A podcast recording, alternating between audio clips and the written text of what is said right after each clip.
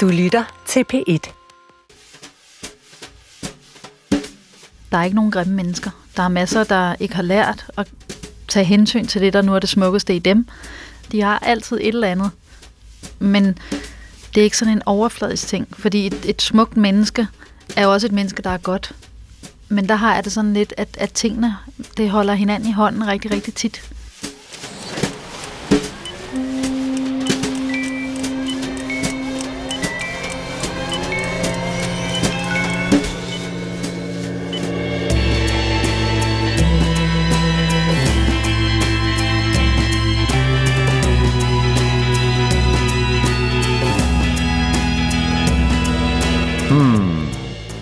Er alle mennesker smuk?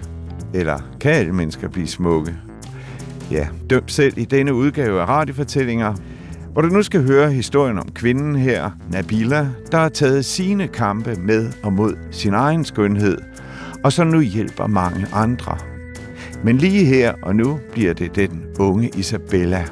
Velkommen til en udgave af radiofortællinger fyldt med skaldede mennesker og parrykker – Parrykker, som har en funktion, som i hvert fald kom bag på mig, da Cecilie Sylvest Carlsen begyndte at spille sine optagelser fra parrykforretningen La Vida Nabila for mig. Jeg hedder Torben Brandt. Velkommen og gør dig nu klar til i den kommende lille halve time at ændre dit syn på parrykker og skønhed.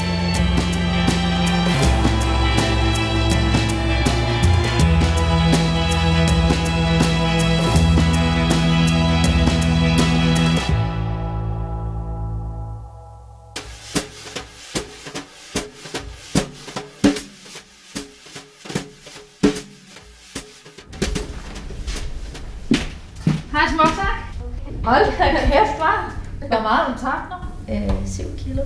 Hvor er det vildt, hva'? Ja. Kom bare over og sid. Vil du have noget at drikke? Nej, tak. Du skal bare have service i dag? Ja. Yes. Og den er lidt filtret, eller hvad? Ja, det er det. Det er noget godt hår, du har i den der? Ja. Men det har det været de sidste mange gange, har mit hår faktisk været super lækkert. Ja. Og så også fordi jeg ikke sover med det om natten, så øhm, holder de jo enormt lang tid. Hårkvaliteten kan jo godt veksle, fordi det er menneskehår. Man kan være heldig at have en god peruk, og man kan være uheldig at få en med, med dårlig donorhår. Det er brasiliansk hår, det her. Isabella er med til at designe sit eget hår. Vi bestiller det på forhånd, at det skal være det her farvespil, ikke? Men jeg skal have ny næste gang. Ja. Ny slags også. Og det kommer ind ad døren lige om lidt. Det bliver så fedt. Det er nogle nye farver, vi har valgt, ikke? Jo. Jeg, huske, hvad det var, ja, jeg har... Jeg får krøl i, og så øhm, skal det være brunt. Forskellige nuancer brunt. Ja. Så det glæder jeg mig rigtig meget til. Spændende. Det bliver godt at prøve noget nyt. Det er aften, når man får nyt hår, ikke? Min mor hun siger, at jeg er fuld af selvtillid, når jeg kommer hjem herfra og har fået nyt hår. Øh, og man, hun kan mærke det på mig hver gang, jeg får nyt hår. Altså, det er sådan helt, en helt anden mig, der kommer hjem herfra, når det er. Så. Jeg hedder Nabila El Shamal Kelet og er 40 år gammel. Jeg var jo sygeplejerske, og jeg elskede det. Det var lige mig. Der var gang i den, og alt gik, og søde kollegaer, og jeg var rigtig, rigtig glad. Men jeg griber så en patient og får en rygskade. Og da det sker, der skal jeg jo finde ud af, hvad så? Kan jeg overhovedet være sygeplejerske mere? Og det kunne jeg ikke, for jeg kunne ikke stå på benene på sådan en 12 timers vagt uafbrudt. Så der skulle jeg jo sætte mig ned for første gang i mit, mit liv og sige, hvad skal jeg så? Mor til to hus, udgifter, to biler og pludselig finde ud af. Men det kom meget, meget nemt til mig, for jeg vidste jo, at det der med at få en peruk, havde jeg haft det mest forfærdelige oplevelse med. Og jeg vidste, at det kunne jeg gøre bedre. At have på kunder. Så jeg glædede mig til at skulle have fingrene i dem, som kaldte på mig. For jeg følte virkelig, at det var et kald, at det var det, jeg skulle. Og da jeg var færdiguddannet, og så eksploderede det jo med skaldet, der pludselig ville møde hende, der selv var skaldet. Fordi du skal huske, normalvis 80% af os, der har den her lidelse, har aldrig mødt andre, der har den. Aldrig. Og det er jo derfor, man også ved, at det er så svært for kemopatienter. Deres største frygt er, at de skal af med deres hår. Ikke om de skal af med et bryst eller noget andet, for det kan vi andre ikke se, men vi kan se deres hår.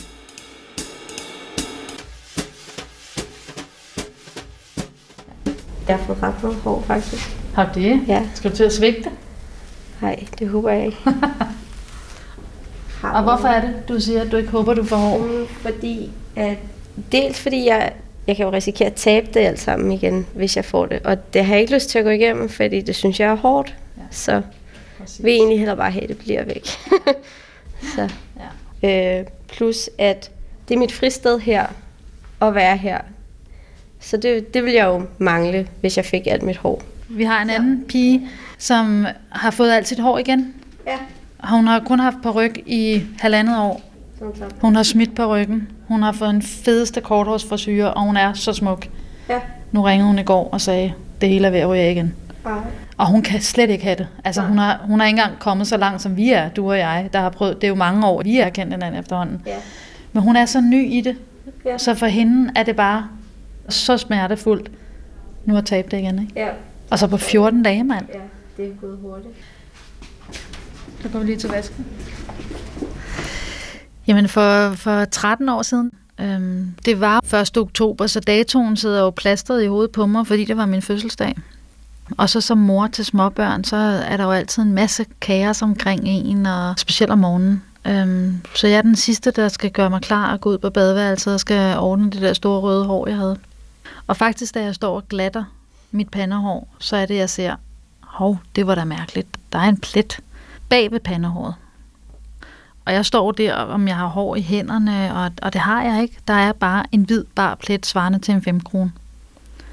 Først så tænkte jeg, gå ved om det er, at jeg har skiftet frisør, at jeg har, det er nye produkter, jeg putter i håret, allergisk reaktion, eller om det var hårfarve. Jeg havde for første gang lidt lyse striber i mit røde hår, karamelstriber, og så tænkte gud, jeg kan ikke tåle hårfarven. Altså, er mit hår ved at falde af, eller hvad sker der?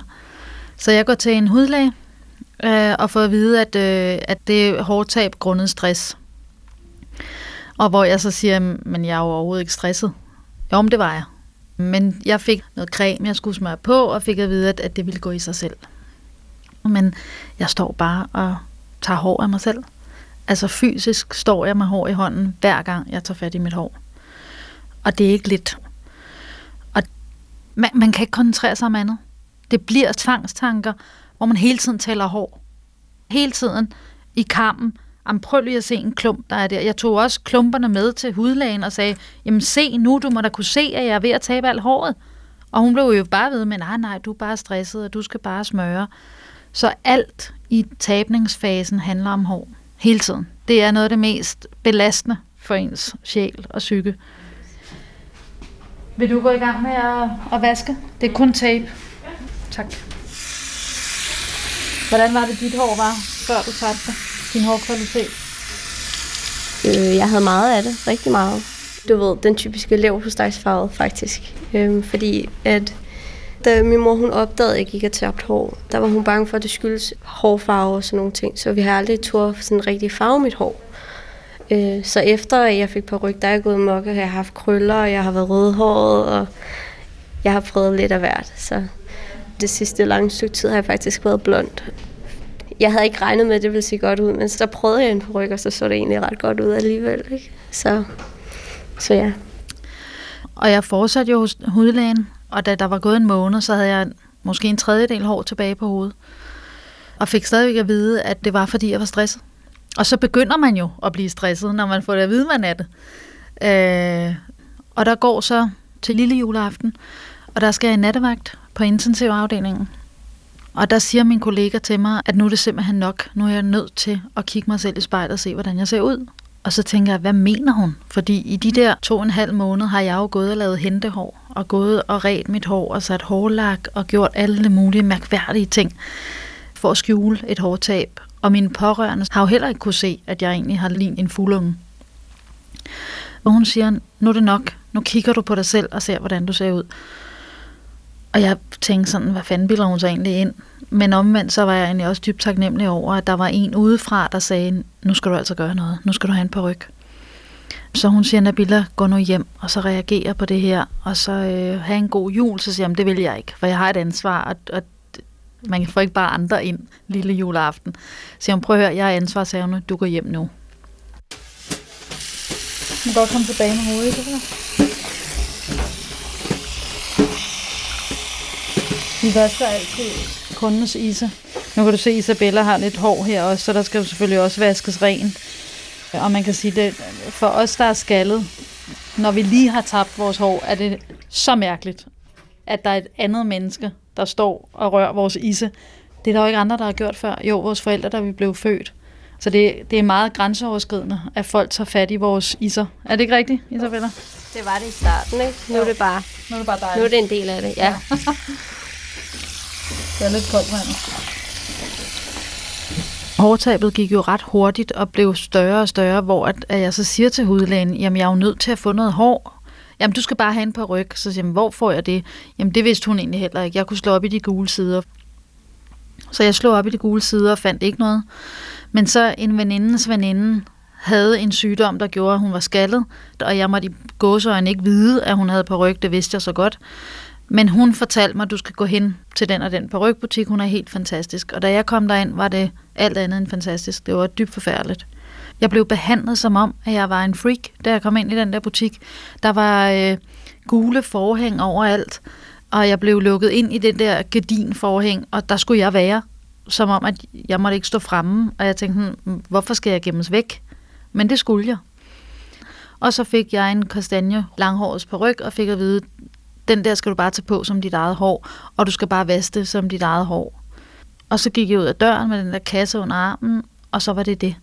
Ikke hvordan jeg skulle sætte den på, eller hvordan man skulle vaske, eller noget som helst. Det var mit første møde med parrykverden. Er det Jesbane eller den blå, du bruger? Jeg plejer at bruge den hvide Den, på rullen. de runde? Ja. Nå, Det er lang tid siden, jeg har været her sidst. ja, det tror jeg da på. Hvad for en? Når du ikke er... Er det den her, vi plejer at bruge til dig? Det plejer at være, at jeg slog ud af, af den blå tape. Den, hvor den var blå her? Ja, Jamen, så er det ikke den her. Så får du Jesbane på. jeg synes, det er en god stemning her. Øh, man føler sig velkommen, synes jeg. Jeg kan have en rigtig dårlig dag, så skulle herhen, og så ved jeg bare, at så bliver jeg i godt humør, ikke? Øh, men jeg satte jo den på, og jeg synes jo overhovedet ikke, det lignede mig. Tværtimod, det var, det var slet ikke det der spejlbillede af, at der står Nabila overhovedet. Det her var meget tyndere, det var ikke det der kraftige øh, araberhår-agtigt. Øh, farven kunne godt minde lidt om det, alligevel var det overhovedet ikke samme farve. Øh, og så skinnede det jo langt væk af plastik. Altså det var syntetisk hår. Og den var lidt for stor til mig, så jeg skulle også sådan hele tiden gå og, og hive ned i nakken, for at perukken egentlig sad fast på mig. Og da det bliver den 24. om morgenen, vælger jeg at tage de sidste rester på hovedet med en barbermaskine. Og så tager jeg på ryggen på. Og der står jeg jo længe og kaotisk ved slet ikke, hvordan jeg skal sætte den på. Og, men jeg får den så på og går ud og lader som ingenting. Og vi skal have juleaften, og det er os, der holder det. Og, og jeg er jo halvlibaneser, og vi har altid holdt, været rigtig mange juleaften, så vi var 16-20 mennesker den dag. Og jeg er jo sådan en, der altid danser rundt med børnene, så jeg danser jo også den dag, når jeg hører musik, og svinger hovedet nedad, og havde glemt alt om, at jeg havde på ryg på hovedet. Og der taber jeg på ryggen på gulvet. Og da jeg rejser mig op, bliver der musestille med de der 20 mennesker. Det er selvfølgelig min familie, men de har jo ikke set mig uden hår. Ingen havde set mig uden hår. Og der løb jeg ud på toilettet, og der græd jeg. Og jeg græd længe. Det er første og sidste gang, jeg har grædt over mit hårtab. Og jeg, jeg tror, at det, jeg blev mest forskrækket over, det var, at jeg var ikke klar til, at andre skulle se mig uden hår. Og jeg var slet ikke klar på, at den kunne falde af mig. Der synes jeg jo, det var frygteligt, fordi jeg var jo den der freak, som jeg også følte mig, at jeg var, da jeg var inde i den der brygbutik, hvor jeg skulle gemmes væk. Ikke? Men nu stod jeg og blottede mig for godt nok de nærmeste, men alligevel, at det var noget, der var så privat.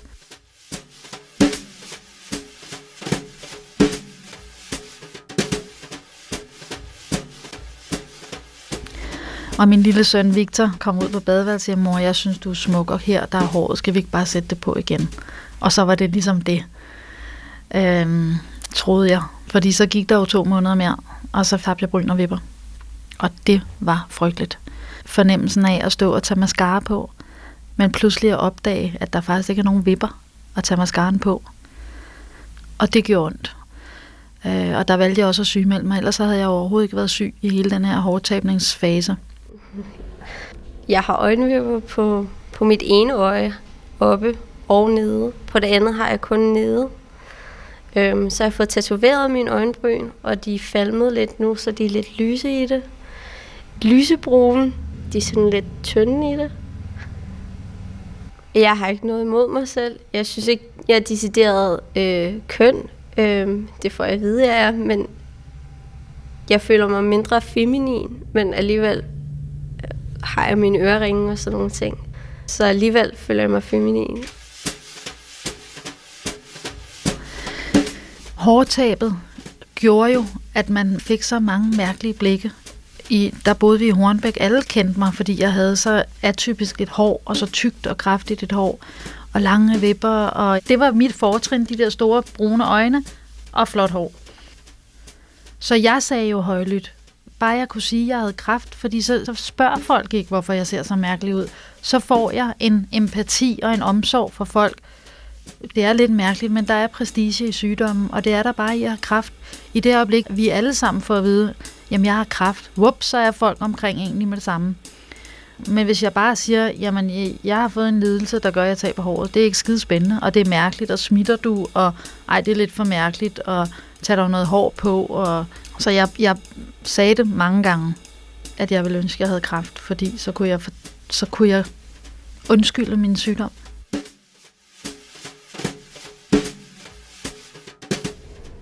altså her har jeg det jo fint, og hjemme, der kan jeg også godt finde på at gå rundt uden hår på. Men hvis jeg ikke har hår på, så går jeg helst med hue.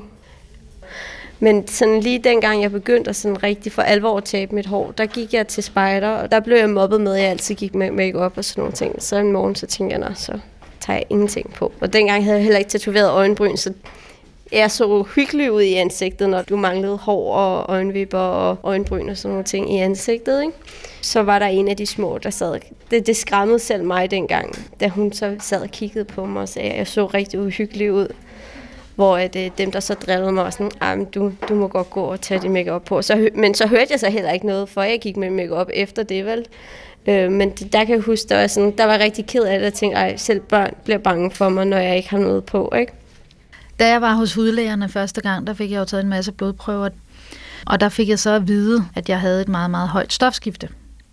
Det var så højt, så at de faktisk ville give mig radioaktiv jod. Og det ville jeg ikke, fordi der var Mathias stadigvæk så lille, og så skulle jeg isoleres fra ham, og fordi man udstråler radioaktivt, når man får behandlingen. Så det ville jeg ikke. Så jeg arrangerede selv at blive opereret, for jeg vidste godt, man kunne klare sig uden en skjoldbruskkirtel.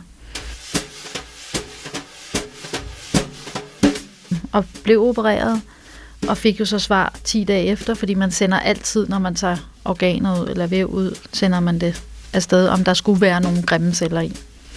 Og kommer ind og skal ind og have svaret hos lægen, min egen afdeling, og han ser helt mærkelig ud, og kan næsten ikke snakke til mig, og siger jo så, at man fandt cancer i min skjoldskirtel. Det er vigtigt for mig, at Isabella ved, at jamen, er alt er helvedes til, så kan hun også ringe og sige, hvad skal jeg gøre. Også fordi, at, at jeg ved, at Isabella bliver glad, når vi får en snak. Og, og vi kan også snakke meget, meget privat, ja. hvor mor og far ikke altid er her. Hvor det bare er mig og Isabella, der snakker, eller Isabella, der snakker med en af de andre. Og så kender pigerne jo hinanden. Altså, du har jo følt mange af de gamle også, ikke? Så du kender jo en del af dem, der kommer herinde. Ja. Øhm, så der, når vi er flere af os for en gang, så er der sådan meget løst åben stemning herinde, ikke? og alle render rundt uden hår og hygger sig. Ja. Også det der, hvis man, man har en rigtig dårlig periode, så får jeg skæld ud, fordi jeg ikke har ringet ned og sagt noget. Så. Ja. Så der stod jeg, jeg var skaldet, jeg havde ikke noget hår, og så fik man også at vide, at nu skal jeg gå hos onkologerne, fordi der var også kræft i min skjoldbruskkirtel. Og der væltede min verden da det gik op for mig, øh, da jeg mødte en kollega ude på gangen. Så siger hun, hvordan går det, Nabila? Og, Jamen, det går da godt, men jeg har kræft. Og da jeg hørte mig selv sige det, så knækkede jeg. Og så siger hun, jeg tror lige, vi går ind på mit kontor, og så ringer vi efter din mand. Altså, jeg var så gal på min krop, for hvorfor det? Hvorfor kunne du så ikke have havde fortalt det? Og så huskede jeg jo det der med, at jeg faktisk bad om at få kraft. Højlydt. Fordi så kunne jeg forklare mit hårtab Det kunne jeg så bare ikke helt, fordi tyrdea cancer og hårtab har ikke noget med hinanden at gøre, men jeg var jo pludselig patient på Herlev og gik sammen med de andre, der også havde på rykker.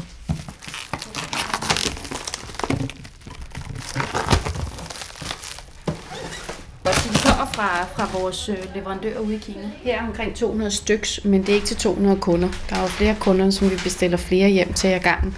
Enten i forskellige farver, eller vi har flere styks, når det er, vi bestiller. Og det er for altid at have backup til kunderne. Altid. Åh, oh, den er rød, den der. Hold Det nu var lige fest. det, jeg så.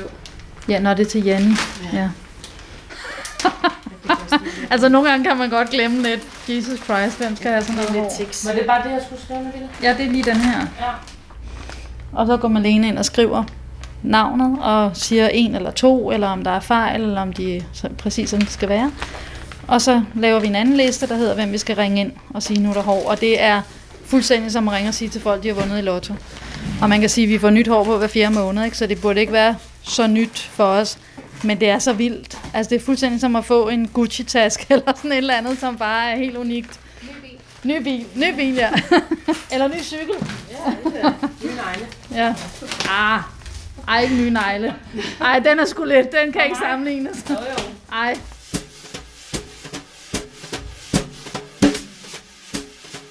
Mit sygdomsforløb var meget kort, for jeg skulle ikke have kemobehandling.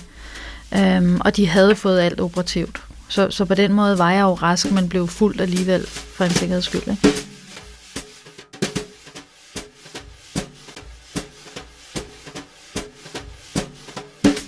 Øh, Jeg gemmer alle mine gamle perukker, ikke? Nu, nu er jeg sådan mest til langhåret bare til hverdag. Men jeg har nogle perukker, jeg vil nogle gange prøve at klippe i og sådan nogle ting, så jeg får andre frisyrer, ikke? Fordi det er sjovt, ja. Nu er jeg 40 år gammel, snart 41. Jeg er tilfreds med måden, jeg ser ud på. Jeg føler mig smuk. Jeg ved godt, at jeg, jeg har, har et specielt udseende, der gør, at folk kigger. Det er, det er mine øjne, og det er mit hår. Og alle tror, at det er mit eget hår. Og alle står og roder. Gud, hvor har du et flot hår, ikke? Jeg er blevet lyshåret, langt. Øh, Jeg har pandehår. Ja, den er blevet lysere med tiden. Egentlig var den sådan meget, meget lysbrun, men den bliver mere og mere lys, jo længere tid du går ud med den. Så jeg synes, den er mere blond, end den er brun nu. Og så har du også to farver, så din, din ende, dine spidser er helt blonde. ja. Så det er lavet... Hvad hedder det, Malene? Ombre. Ombre. Jeg glemmer hele tiden, hvad det hedder. Det der tofarvet, øh, der er så smart lige nu. Øh, det er min næste peruk, der er på vej hjem øh, fra fabrikken. Så, så jeg skifter meget. Man skal aldrig kigge på mig og se på håret, for så glemmer man, hvem jeg er, når man så møder mig næste gang, for så har jeg noget andet på. Kan jeg stå i, i øh, arrangementer og have blond på, og gå ud og skifte på toilettet og tage en helt mørk på, og folk kigger bare på mig som om, hvad har du gjort? Men de kan ikke sige, hov, du var der lyshåret for et øjeblik siden. Og så har jeg, smiler jeg altid. Jeg griner altid og smiler altid. Så, så det er det, folk skal kigge på, når de ser mig, det er, at jeg griner. For jeg griner altid. Og hvad har jeg ikke at grine over? Vil du finde en blatjern?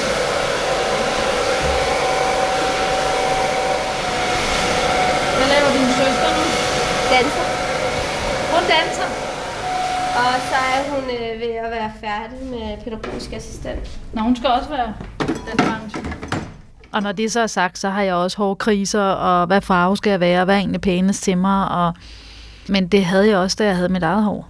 Altså, der er altid et eller andet galt. Jamen, det er faktisk meget sjovt, fordi lige nu har jeg selv lidt en identitetskrise om, hvordan jeg skal se ud. Øh, jeg kan ikke helt finde ud af, om jeg skal være blond, eller om jeg skal være mørk, eller hvad jeg skal. Så, øh, men, men jeg har tendens til at blive ved med lige nu at hoppe tilbage på det blonde hele tiden. Øh, blondes have more fun. Jeg tror, det er det. Man får bare mange, mere opmærksomhed som blond. 100 procent. Jeg kan være i byen og have blondt hår, og, og igen, jeg er jo ikke en sylfide. Jeg er tværtimod, jeg har hofter og mave, og, og jeg får så mange blikke. Og man kan sige, selvom jeg har verdens bedste kæreste og er dybt forelsket, så er det jo altid rart at få bekræftelse. Men har jeg de almindeligt brunt hår på, eller, eller rødt hår, får jeg slet, slet ikke samme opmærksomhed. Slet ikke.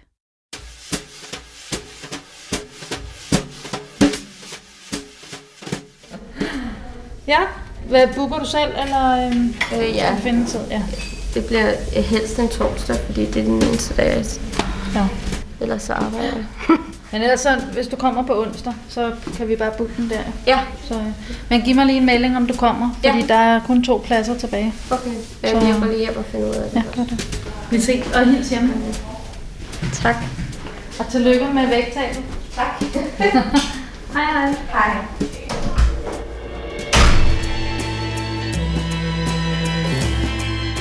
Jeg har altid, og som barn, kunne se skønheden i folk, der ikke helt selv kunne se, hvor smukke de var. Og det sagde Nabila Al-Shamel Kelet til Cecilie Sylvest Carlsen. Og hermed slut på denne udgave af Radiofortællinger. Kom tilbage om en uge, samme tid, samme sted. Verden er fyldt med fortællinger, og måske har du også en, vi burde se på. Skriv til radiofortællinger snabelag dr.dk. Husk at stave æget med AE. Jeg hedder Torben Brandt og går ikke med paryk endnu. Men tak alligevel for nu.